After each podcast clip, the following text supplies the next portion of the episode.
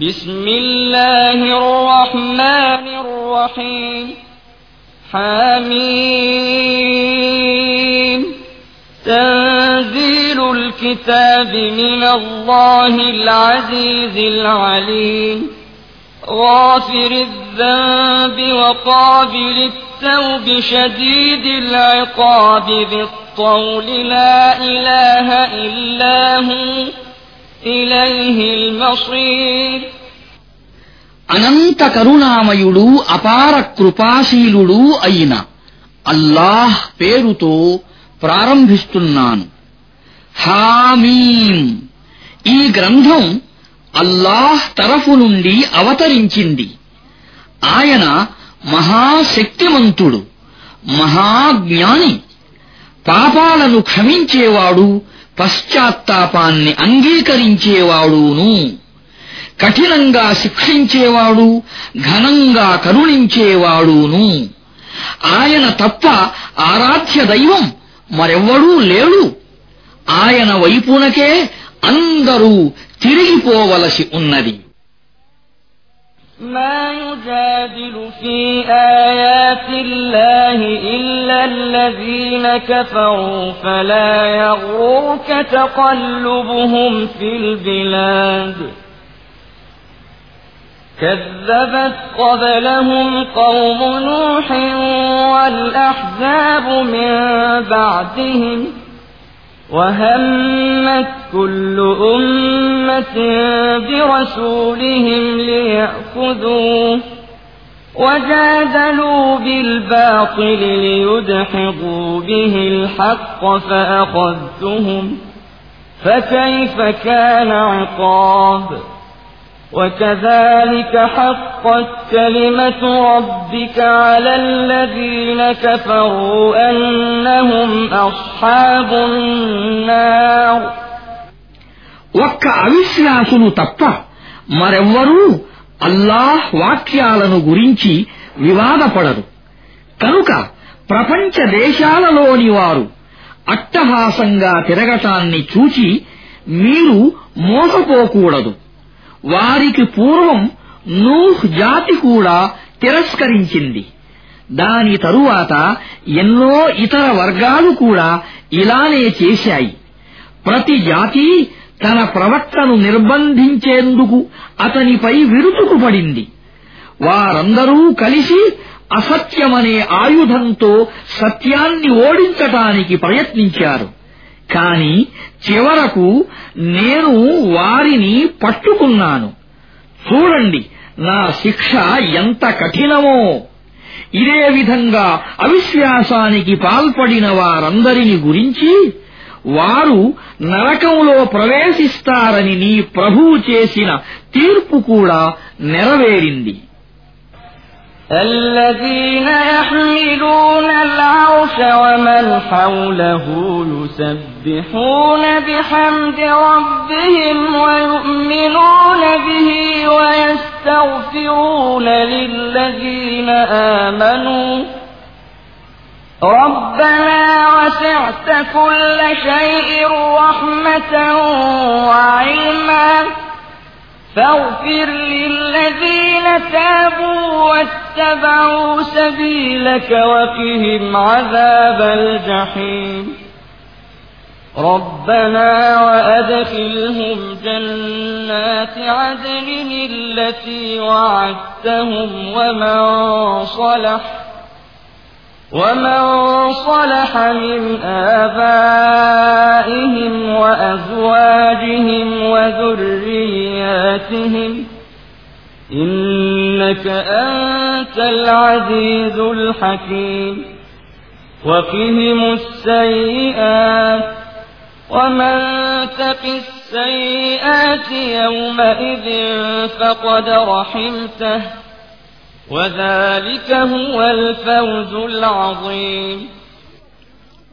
దైవ సింహాసనాన్ని మోసే దైవదూతలు ఆ సింహాసనం చుట్టూ ఉండే దైవదూతలు అందరూ తమ ప్రభువును స్తుతిస్తూ ఆయన పవిత్రతను కొనియాడుతున్నారు. వారు ఆయనను విశ్వసిస్తున్నారు. విశ్వసించే వారిని క్షమించు అని ప్రార్థనలు చేస్తున్నారు. వారు ఇలా అంటారు. ప్రభూ నీవు నీ కారుణ్యంతో నీ జ్ఞానంతో ప్రతి వస్తువుపై వ్యాపించి ఉన్నావు. కనుక పశ్చాత్తాపంతో నీ వైపునకు మరలిన వారిని నీ మార్గాన్ని అనుసరించిన వారిని క్షమించు. వారిని నరక యాతన నుండి కాపాడు. ప్రభూ ఇంకా వారిని శాశ్వతంగా ఉండే స్వర్గవనాలలో ప్రవేశింపజెయ్యి. వాటిని గురించి నీవు వారికి వాగ్దానం చేసి ఉన్నావు.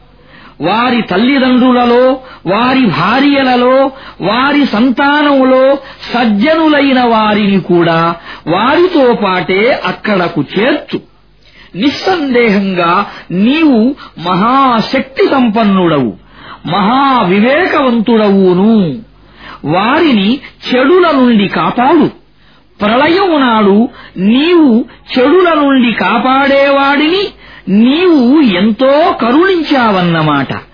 ఇదే గొప్ప సాఫల్యం. الذين كفروا ينادون لمقت الله أكبر من مقتكم أنفسكم إذ تدعون إلى الإيمان فتكفرون قالوا ربنا أمتنا اثنتين وأحييتنا اثنتين فاعترفنا بذنوبنا فهل إلى خروج من سبيل ذلكم بأنه إذا دعي الله وحده كفرتم وإن يشرك به تؤمنوا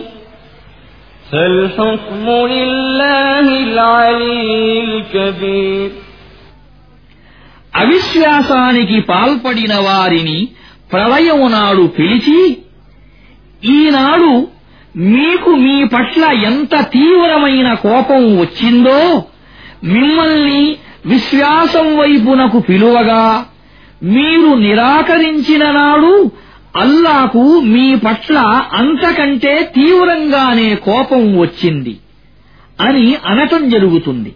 వారు ఇలా అంటారు ప్రభూ నిజంగానే నీవు మాకు రెండుసార్లు మరణాన్ని రెండుసార్లు జీవితాన్ని ఇచ్చావు. ఇప్పుడు మేము మా తప్పులను ఒప్పుకుంటున్నాము. కనుక ఇక్కడ నుండి బయటపడే మార్గం కూడా ఏదైనా ఉందా? ఇలా సమాధానం వస్తుంది. మీరు గురి అయిన ఈ దుస్థితికి కారణం ఏమిటంటే ఏకైక దేవుడైన అల్లాహ్ వైపునకు మాత్రమే పిలిచినప్పుడు మీరు విశ్వసించకుండా తిరస్కరించేవారు. ఇతరులను ఆయనకు సమానులుగా చేసినప్పుడు మీరు వెంటనే విశ్వసించేవారు. ఇప్పుడు తీర్పు మహనీయుడు మహోన్నతుడు అయిన అల్లాహ్ చేతులలో ఉన్నది هو الذي يريكم آياته وينزل لكم من السماء رزقا وما يتذكر إلا من ينيب فادعوا الله مخلصين له الدين ولو كره الكافرون ఆయనే మీకు తన సూచనలను చూపిస్తాడు ఆకాశము నుండి మీ కొరకు ఆహారాన్ని అవతరింపజేస్తాడు కాని ఈ సూచనలను చూచి కేవలం అల్లాహ్ వైపునకు మరలే మనిషి మాత్రమే గుణపాఠం నేర్చుకుంటాడు కనుక అల్లాహ్ వైపునకు మరలే ప్రజలారా అల్లాను మాత్రమే వేడుకోండి.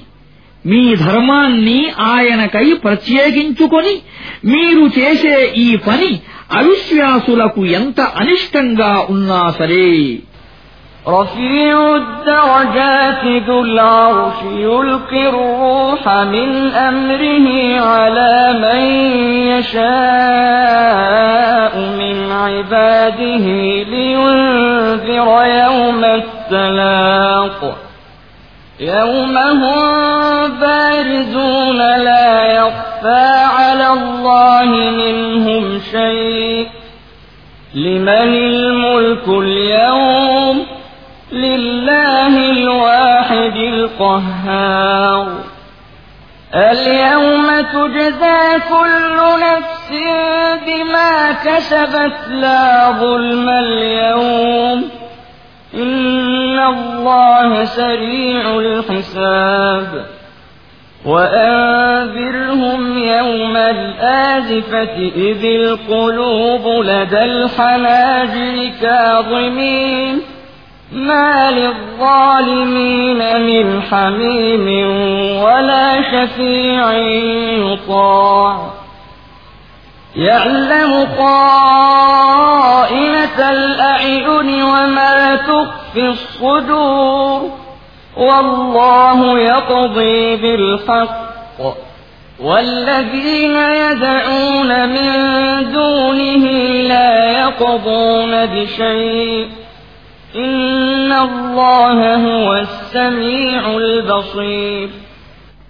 ఆయన మహోన్నతమైన స్థానాలు కలవాడు. విశ్వ సామ్రాజ్య పీఠానికి అధిపతి.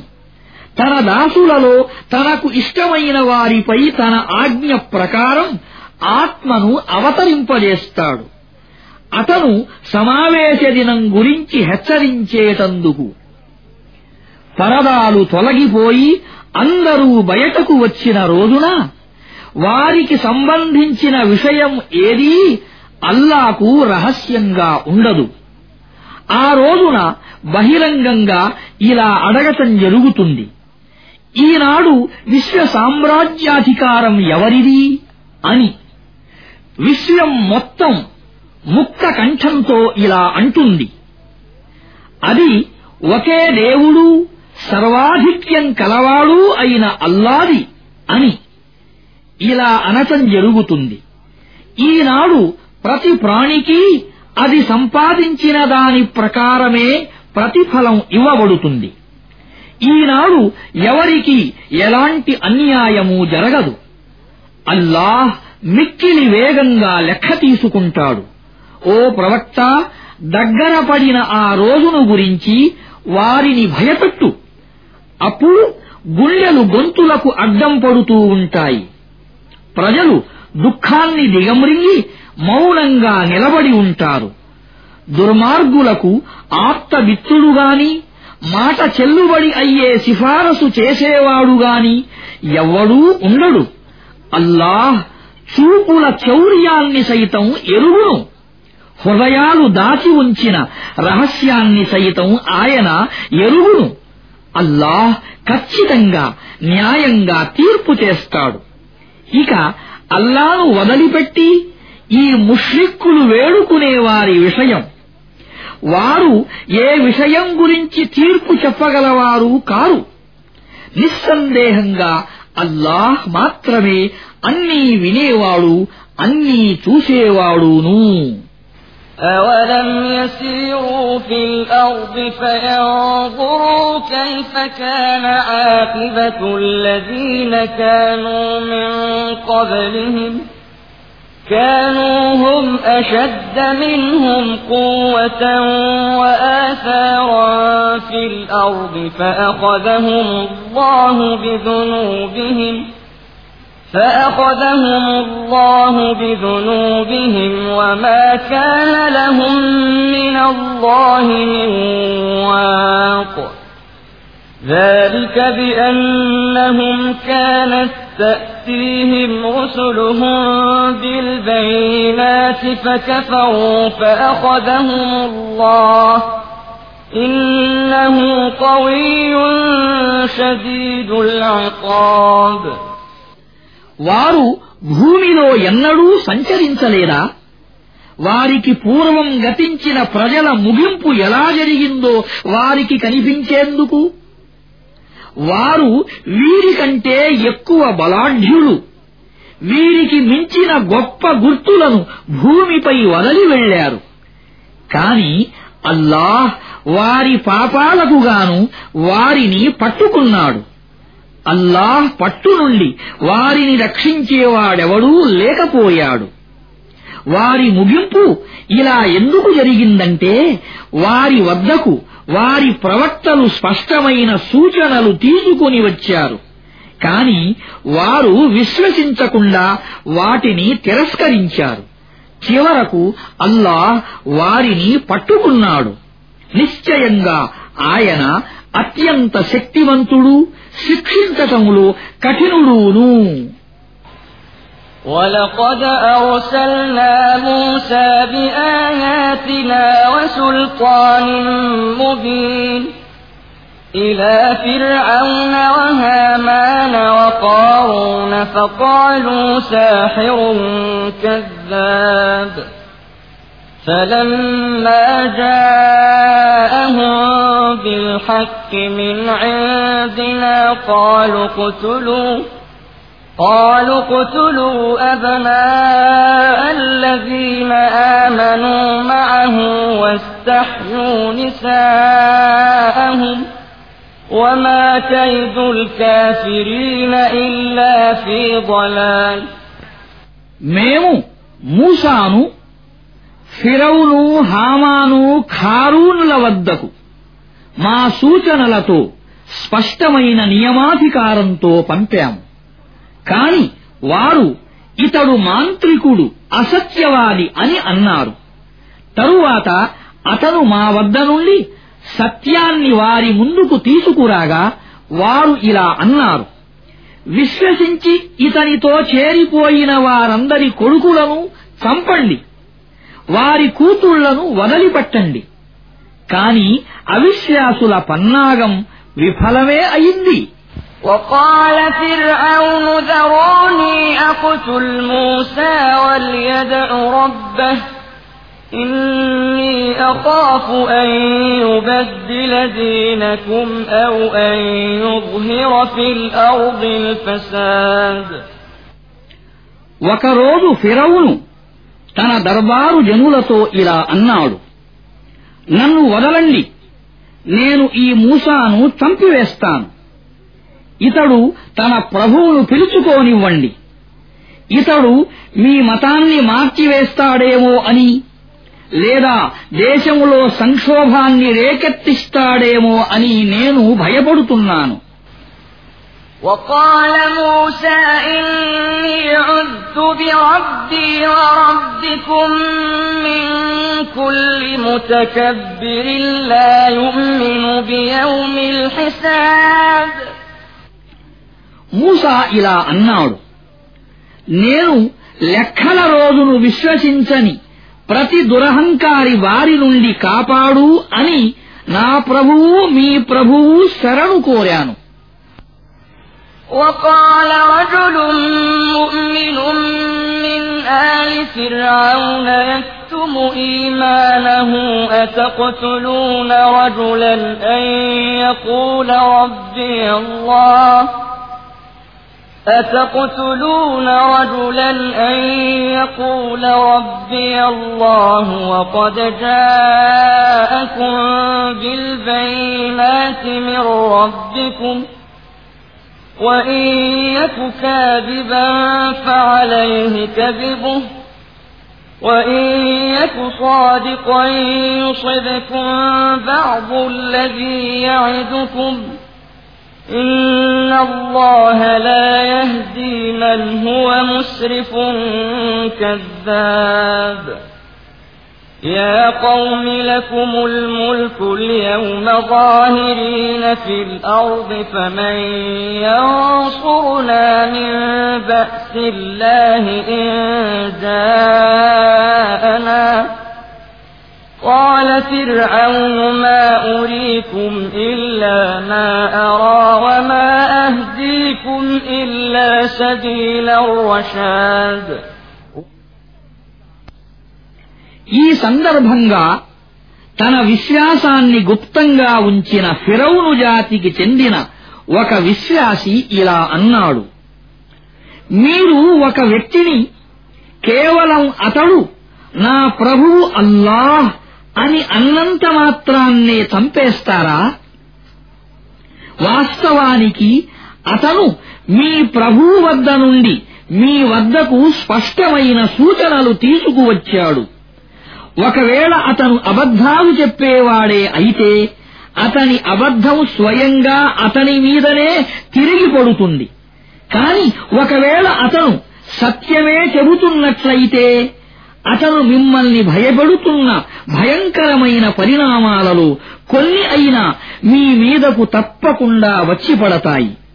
హద్దులను అతిక్రమించే అసత్యాలు పలికే ఏ వ్యక్తికి అల్లాహ్ సన్మార్గం చూపడు. నా జాతి ప్రజలారా మీకు ఈనాడు రాజ్యాధికారం ఉన్నది. భూమిపై మీరు ప్రాబల్యం వహించి ఉన్నారు. కాని ఒకవేళ దైవ శిక్ష మనపైకి వచ్చి పడితే అప్పుడు మనకు సహాయం చేయగలవాడెవడైనా ఉన్నాడా? ఫిరౌను ఇలా అన్నాడు. నాకు సముచితంగా తోచిన సలహానే నేను మీకు ఇస్తున్నాను సక్రమమైన మార్గం వైపునకే నేను మిమ్మల్ని నడుపుతున్నాను وقال الذي آمن يا قوم إني أخاف عليكم مثل يوم الأحزاب مثل دأب قوم نوح وعاد وثمود والذين من بعدهم وما الله يريد ظلما للعباد. ويا قوم إني أخاف عليكم يوم التناد. يوم تولون مدبرين ما لكم من الله من عاصم. ومن يضلل الله فما له من هاد. విశ్వసించిన ఆ వ్యక్తి ఇలా అన్నాడు. నా జాతి ప్రజలారా పూర్వం అనేక జన సమూహాలకు దాపురించిన దినమే మీకు కూడా దాపురిస్తుందేమో అని నేను భయపడుతున్నాను. నూహ్ జాతి ఆద్ జాతి సమూదు జాతులకు వారి తరువాత వచ్చిన జాతులకు దాపురించిన దినం తన దాసులకు అన్యాయం చేయాలనే ఉద్దేశ్యం అల్లాకు ఎంతమాత్రం లేదు అనేది వాస్తవం. నా జాతి ప్రజలారా మీరు రోధించే దినమేదైనా మీ పైకి వచ్చి పడుతుందేమో అని నేను భయపడుతున్నాను. అప్పుడు మీరు ఒకరినొకరు పిలుచుకుంటారు పరుగెత్తుతూ తిరుగుతూ ఉంటారు. కాని ఆ సమయంలో అల్లా నుండి మిమ్మల్ని రక్షించేవాడెవడూ ఉండడు నిజం ఏమిటంటే అల్లాహ్ మార్గము తప్పించిన వాడికి మళ్లీ మార్గం చూపేవాడెవడూ ఉండడు ولقد جاءكم يوسف من قبل بالبينات فما زلتم في شك مما جاءكم به حتى إذا هلك قلتم لن يبعث الله من بعده رسولا. كذلك يضل الله من هو مسرف مرتاب. الذين يجادلون في آيات الله بغير سلطان أتاهم كبر مقتا عند الله وعند الذين آمنوا كذلك يطبع الله على كل قلب متكبر جبار పూర్వం యూసుఫు మీ వద్దకు స్పష్టమైన ప్రమాణాలను తీసుకువచ్చాడు. కాని మీరు అతను తెచ్చిన బోధను గురించి అనుమానానికే గురి అయ్యారు. తరువాత అతను మరణించినప్పుడు మీరు ఇక అతని తరువాత అల్లాహ్ మరొక ప్రవక్తను పంపడు అని అన్నారు. ఇదే విధంగా అల్లాహ్ హద్దులను అతిక్రమించే వారిని శంకితులను తమ వద్దకు ఏ ధృవపత్రము ఏ ఆధారము రాకపోయినా అల్లాహ్ వాక్యాల విషయంలో వాదించే వారిని మార్గభ్రష్టత్వానికి గురి చేస్తాడు. వారి ఈ వైఖరి అల్లా దృష్టిలో విశ్వాసుల దృష్టిలో మిక్కిలి గర్హనీయమైనది. ఇలాగే అల్లాహ్ దురహంకారి నిరంకుశుడు అయిన ప్రతి వ్యక్తి హృదయానికి ముద్ర వేస్తాడు.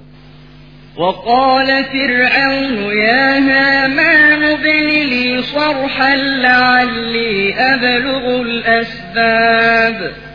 أسباب السماوات فأطلع إلى إله موسى وإني لأظنه كاذبا. وكذلك زين لفرعون سوء عمله وصد عن السبيل وما كيد فرعون إلا في تباب ఫిరౌను ఇలా అన్నాడు హామాన్ నా కోసం ఒక ఎత్తైన సౌధాన్ని నిర్మించు నేను మార్గాల వరకు ఆకాశాలకు వెళ్లే మార్గాల వరకు చేరగలిగేందుకు మూసా దేవుణ్ణి తొంగి చూసేందుకు నాకు ఈ మూస అబద్ధాల కోరుగానే కనిపిస్తున్నాడు. ఈ విధంగా ఫిరౌనుకు అతడి దుష్కార్యం మనోహరమైనదిగా చేయబడింది. అతడు సత్యమార్గం వైపునకు రాకుండా ఆపబడ్డాడు. ఫిరౌను పన్నాగమంతా స్వయంగా అతని వినాశ మార్గానికే వినియోగపడింది. وقال الذي آمن يا قوم اتبعون أهدكم سبيل الرشاد.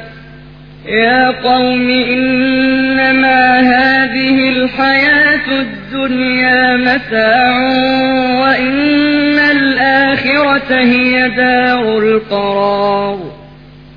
من عمل سيئة فلا يجزى إلا مثلها.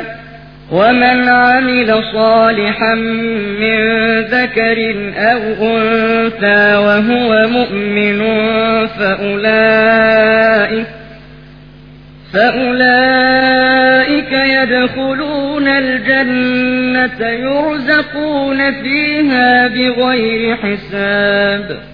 ويا قوم ما لي أدعوكم إلى النجاة وتدعونني إلى النار تدعونني لأكفر بالله وأشرك به ما ليس لي به علم وأنا أدعوكم إلى العزيز الغفار لا جرم أن ما تدعونني إليه ليس له دعوة في الدنيا ولا في الآخرة وأن مردنا إلى الله وأن مردنا إلى الله وأن المسرفين هم أصحاب النار فستذكرون ما أقول لكم وأفوض أمري إلى الله إن الله بصير بالعباد విశ్వసించిన ఆ వ్యక్తి ఇంకా ఇలా అన్నాడు నా జాతి ప్రజలారా నా మాట వినండి నేను మీకు సరైన మార్గాన్ని చూపిస్తాను నా జాతీయులారా ఈ ప్రాపంచిక జీవితం తాత్కాలికం. శాశ్వత నివాస స్థలం పరలోకమే.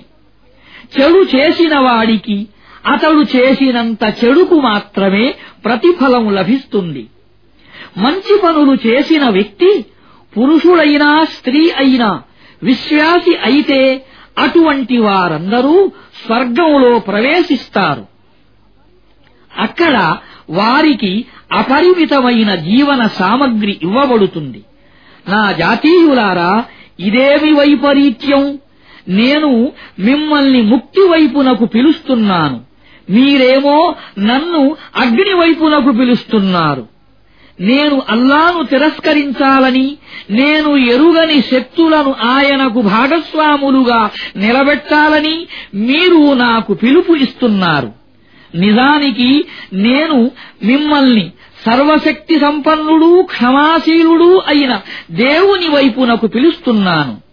కాదు సత్యం ఇదే. దీనికి భిన్నంగా జరగటానికి వీల్లేదు. మీరు నన్ను ఎవరి వైపునకు పిలుస్తున్నారో వారి వైపునకు పిలుపు అనేది ఇహలోకములోనూ లేదు పరలోకములోనూ లేదు. మనం అందరం అల్లా వద్దకే మరలిపోవలసి ఉంది. హద్దులు మీరేవారే అగ్నిలోకి పోయేవారు. ఈనాడు నేను చెప్పేదాన్ని మీరు జ్ఞాపకం చేయనున్న సమయం త్వరలోనే రాబోతోంది. నా వ్యవహారాన్ని నేను అల్లాకు అప్పగిస్తున్నాను. ఆయన తన దాసులను కనిపెట్టుకుని ఉంటాడు. فوقاه الله سيئات ما مكروا وحاق بآل فرعون سوء العذاب. النار يعرضون عليها غدوا وعشيا ويوم تقوم الساعة أدخلوا آل فرعون أشد العذاب وإذ يتحاجون في النار فيقول الضعفاء للذين استكبروا فيقول الضعفاء للذين استكبروا إنا كنا لكم تبعا فهل أنتم فهل أنتم مغنون عنا نصيبا من النار قال الذين استكبروا إنا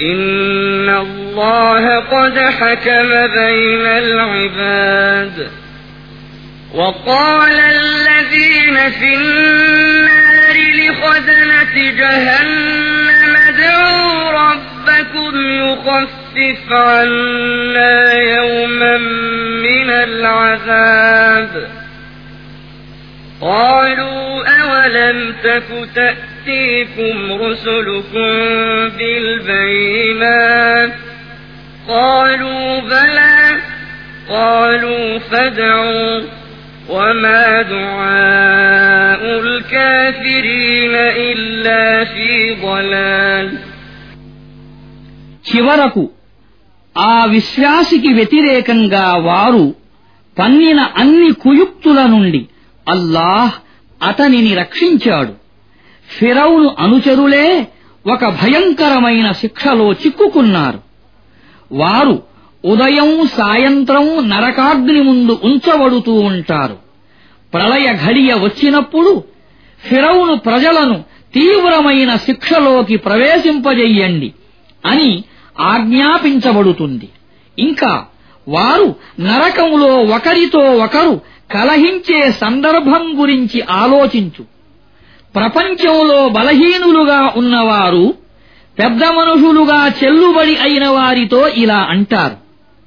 మేము మిమ్మల్ని అనుసరిస్తూ ఉండేవారము. ఇప్పుడు మీరు ఇక్కడ నరకాగ్ని బాధ నుండి కొంతవరకైనా మమ్మల్ని కాపాడతారా? ఆ పెద్ద మనుషులు ఇలా జవాబు ఇస్తారు. ఇక్కడ మనమందరం ఒకే స్థితిలో ఉన్నాము. దాసుల మధ్య అల్లాహ్ తీర్పు చేసేశాడు తరువాత అగ్నిలో పడి ఉన్నవారు నరక భటులతో మా శిక్షను కనీసం ఒక్కరోజైనా తగ్గించమని మీరు మీ ప్రభువును ప్రార్థించండి అని అర్థిస్తారు భటులు ఇలా అడుగుతారు. మీ వద్దకు దైవ ప్రవక్తలు స్పష్టమైన సూచనలు తీసుకుని రాలేదా? అప్పుడు వారు అవును వచ్చారు.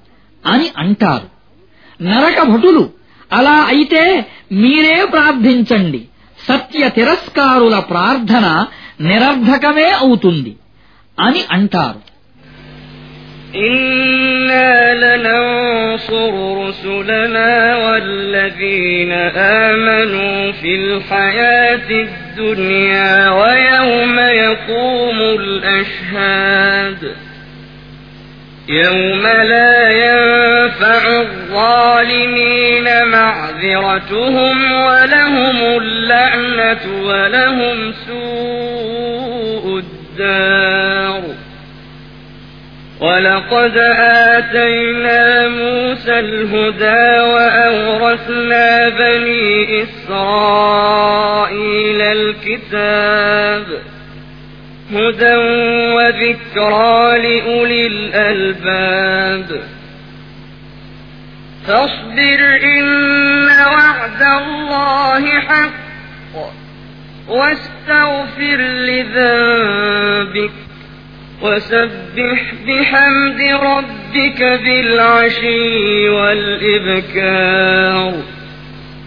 إن الذين يجادلون في آيات الله بغير سلطان أتاهم إن في صدورهم إلا كبر ما هم ببالغيه فاستعذ بالله إنه هو السميع البصير నిశ్చయంగా మేము మా ప్రవక్తలకు విశ్వాసులకు ఇహలోక జీవితంలో కూడా తప్పకుండా సహాయం చేస్తాము.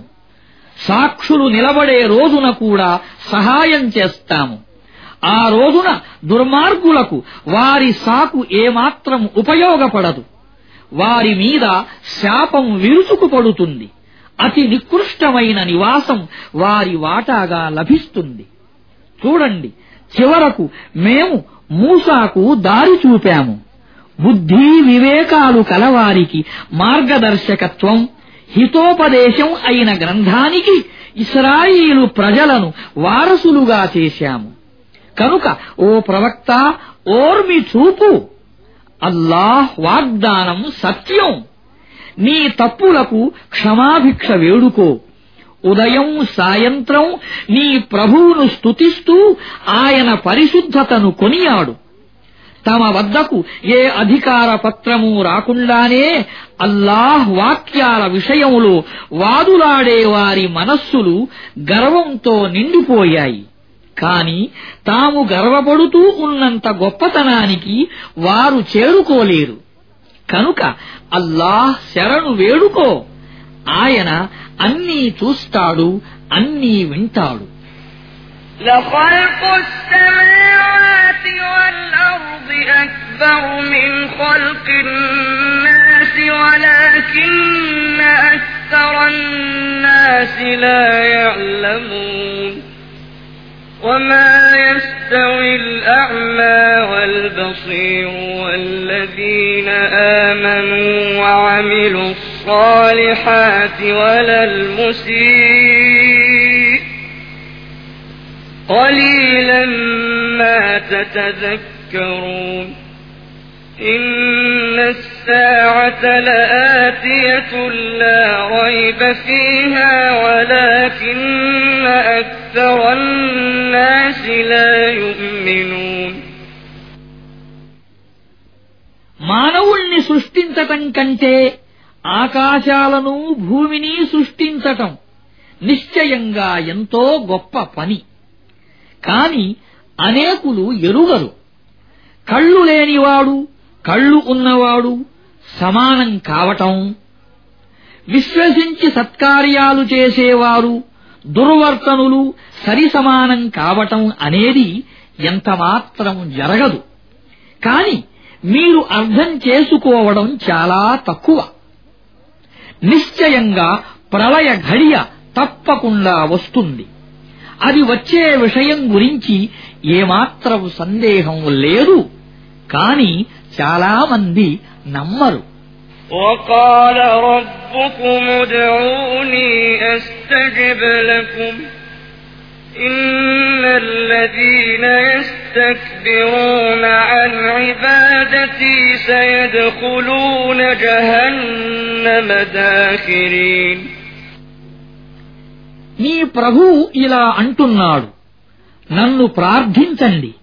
నేను మీ ప్రార్థనలను అంగీకరిస్తాను గర్వానికి లోనై నా ఆరాధనకు విముఖులయ్యేవారు తప్పనిసరిగా అవమానానికి పరాభవానికి గురి అయి నరకంలో ప్రవేశిస్తారు الله الذي جعل لكم الليل لتسكنوا فيه والنهار مبصرا إن الله لذو فضل على الناس ولكن أكثر الناس لا يشكرون ذلكم الله ربكم خالق كل شيء لا إله إلا هو فأنا تؤفكون كذلك يؤفك الذين كانوا بآيات الله يجحدون మీరు విశ్రాంతి తీసుకోవటానికి మీ కొరకు రాత్రిని సృష్టించినవాడు పగలును వెలుగుతో నింపినవాడు అల్లాయే కదా వాస్తవానికి అల్లాహ్ ప్రజల పట్ల ఎంతో దయ కలవాడు కాని ఎక్కువ మంది కృతజ్ఞతలు తెలుపరు. ఆ అల్లాయే మీ కొరకు ఇదంతా చేసినవాడు. మీ ప్రభు ప్రతిదాన్ని సృజించినవాడు. ఆయన తప్ప మరొక ఆరాధ్యుడు లేడు. అలాంటప్పుడు మీరు ఎలా మార్గం తప్పిపోతున్నారు? ఇదే విధంగా అల్లా వాక్యాలను తిరస్కరించే వారందరూ మార్గం నుంచి తప్పించబడుతూ వచ్చారు الله الذي جعل لكم الأرض قرارا والسماء بناء وصوركم فأحسن صوركم ورزقكم من الطيبات ذلكم الله ربكم فتبارك الله رب العالمين هو الحي لا إله إلا هو فدعوه مخلصين له الدين الحمد لله رب العالمين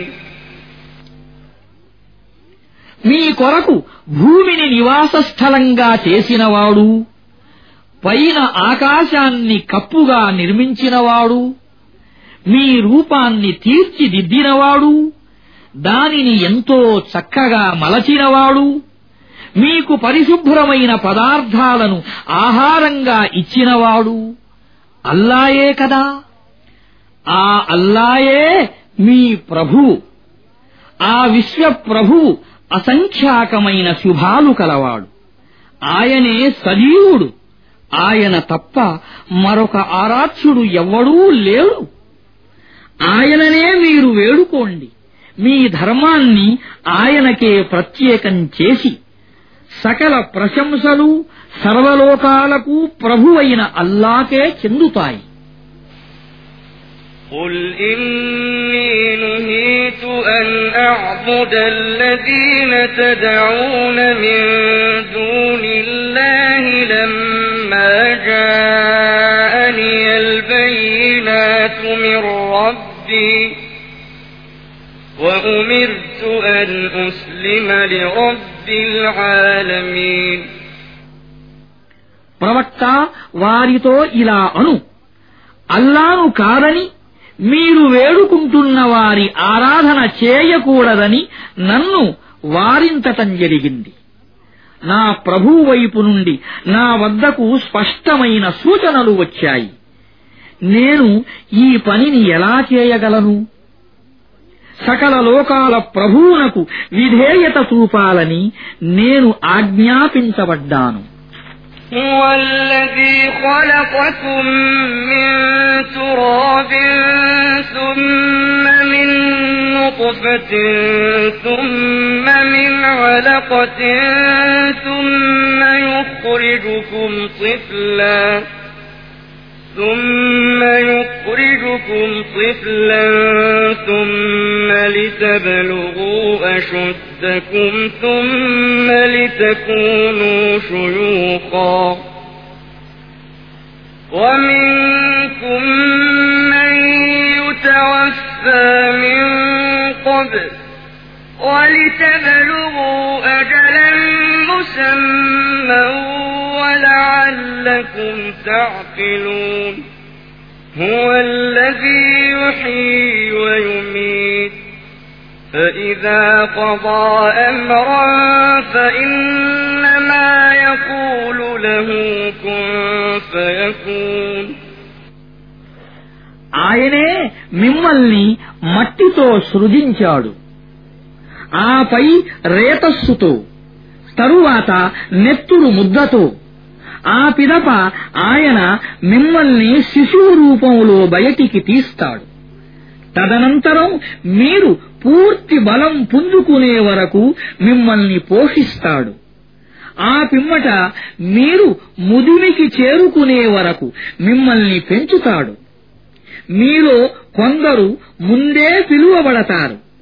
మీరు మీ నిర్ణీత వ్యవధికి చేరి యథార్థము ఏమిటో అర్థం చేసుకోవాలని ఇదంతా చేయబడుతోంది. ఆయనే జీవితాన్ని ఇస్తాడు. ఆయనే మరణాన్ని ఇస్తాడు. ఆయన ఏ విషయాన్ని గురించి నిర్ణయం చేసినా అది అయిపోవాలని కేవలం ఒక ఆజ్ఞ జారీ చేస్తాడు. అంతే అది అయిపోతుంది. ألم تر إلى الذين يجادلون في آيات الله أنا يصرفون الذين كذبوا بالكتاب وبما أرسلنا به رسلنا فسوف يعلمون إذ الأغلال في أعناقهم والسلاسل يسحبون في الحميم ثم في النار يسجرون ثم قيل لهم أين ما كنتم تشركون من دون الله قالوا ضلوا عنا بل لم نكن ندعو من قبل شيئا كذلك يضل الله الكافرين.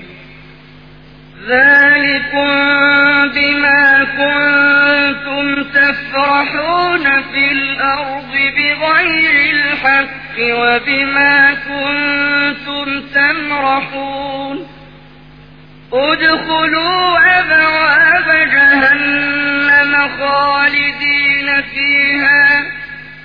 فبئس مثوى المتكبرين فاصبر إن وعد الله حق فإما نرينك بعض الذي نعدهم أو نتوفينك فإلينا يرجعون అల్లా వాక్యాలను గురించి వాదులాడే వారిని నీవు చూశావా వారు ఎలా విముఖులుగా చేయబడుతున్నారో? ఈ గ్రంథాన్ని మేము ఇదివరకు మా ప్రవక్తలతో పంపిన అన్ని గ్రంథాలను తిరస్కరించే వారికి త్వరలోనే తెలిసిపోతుంది. అప్పుడు వారి మెడలలో కంఠపాశాలు ఉంటాయి సంకెళ్ళు కూడా ఉంటాయి. వాటితో వారు కాగే నీటి వైపునకు ఈడవబడతారు. తరువాత నరకాగ్నిలోకి నెట్టబడతారు. అప్పుడు వారిని ఇలా అడగటం జరుగుతుంది. అల్లాను కాదని మీరు అల్లాకు భాగస్వాములుగా నిలబెట్టిన దేవుళ్ళు ఇప్పుడు ఎక్కడున్నారు? వారు ఇలా సమాధానం చెబుతారు. వారు మా నుండి విడిపోయారు. దీనికి పూర్వం మేము అసలు దేనిని ప్రార్థించేవారము కాదు. ఈ విధంగా అల్లాహ్ అవిశ్వాసులు ఎలా మార్గభ్రష్టులైంది రుజువు చేస్తాడు. వారితో ఇలా అనబడుతుంది. మీ ఈ ముగింపుకు కారణం మీరు భూమిలో అసత్యాన్ని అనుసరించి ఆనందించటమే దానికి గర్వపడటమే. ఇక వెళ్ళండి నరక ద్వారాలలో ప్రవేశించండి. కలకాలం మీరు అక్కడనే ఉండవలసి ఉంది. అది దురహంకారుల నివాసం. బహు చెడ్డది. కనుక ప్రవక్త సహనం వహించు. అల్లాహ్ వాగ్దానం సత్యమైనది. ఇప్పుడు నీ సమక్షంలోనే మేము వారిని భయపెడుతూ వచ్చిన దుష్పరిణామాలను కొన్నింటిని వారికి చూపినా లేదా దానికి ముందే నిన్ను ప్రపంచం నుండి పిలిపించుకున్నా వారు తిరిగి రావలసింది మా వైపునకే కదా. ولقد أرسلنا رسلا من قبلك منهم من قصصنا عليك ومنهم من لم نقصص عليك وما كان لرسول أن يأتي بآية إلا بإذن الله فإذا جاء أمر الله قضي بالحق وخسر هنالك المبطلون. الله الذي جعل لكم الأنعام لتركبوا منها ومنها تأكلون. ولكم فيها منافع ولتبلغوا عليها حاجة في صدوركم وعليها وعلى الفلك تحملون. ويريكم آياته فأي آيات الله تنكرون. ओ నీకు పూర్వం మేము ఎంతో మంది ప్రవక్తలను పంపాము. వారిలో కొందరి పరిస్థితులను గురించి మేము నీకు తెలిపాము. కొందరిని గురించి తెలుపలేదు. అల్లా అనుమతి లేకుండా ఏ సూచననైనా స్వయంగా తెచ్చే శక్తి ఏ ప్రవక్తకు లేదు. అల్లాహ్ ఆజ్ఞ వచ్చేసిన తరువాత సత్యం ప్రకారం నిర్ణయం జరిగింది. అప్పుడు దుర్జనులు నష్టానికి గురి అయ్యారు. అల్లాయే మీ కొరకు ఈ పశువులను సృష్టించాడు. వాటిలో కొన్నిటిపై మీరు స్వారీ చేస్తారు. కొన్నిటి మాంసం తింటారు. వాటి వల్ల మీకు ఇంకా ఎన్నో లాభాలు ఉన్నాయి. మీరు ఎక్కడకు పోవాలని కోరుకుంటే అక్కడకు మీరు పోగలగటానికి కూడా అవి ఉపయోగపడతాయి. వాటిపైన పడవలపైన మీరు ప్రయాణం చేస్తూ ఉంటారు అల్లాహ్ తన ఈ సూచనలను మీకు చూపుతున్నాడు అసలు మీరు ఆయన యొక్క ఏ ఏ సూచనలను తిరస్కరిస్తారు أفلم يسيروا في الأرض فينظروا كيف كان عاقبة الذين من قبلهم كانوا أكثر منهم وأشد قوة وآثارا في الأرض فما أغنى عنهم ما كانوا يكسبون. فلما